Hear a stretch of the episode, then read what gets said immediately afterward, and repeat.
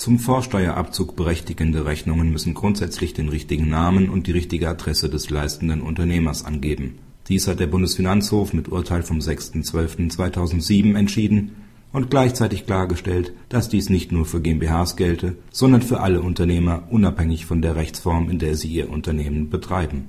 Der Sofortabzug der Vorsteuer gebiete, dass der Finanzverwaltung eine leicht nachprüfbare Feststellung des leistenden Unternehmers ermöglicht werde, begründete der BfH seine Entscheidung. Aktenzeichen 5R61 aus 05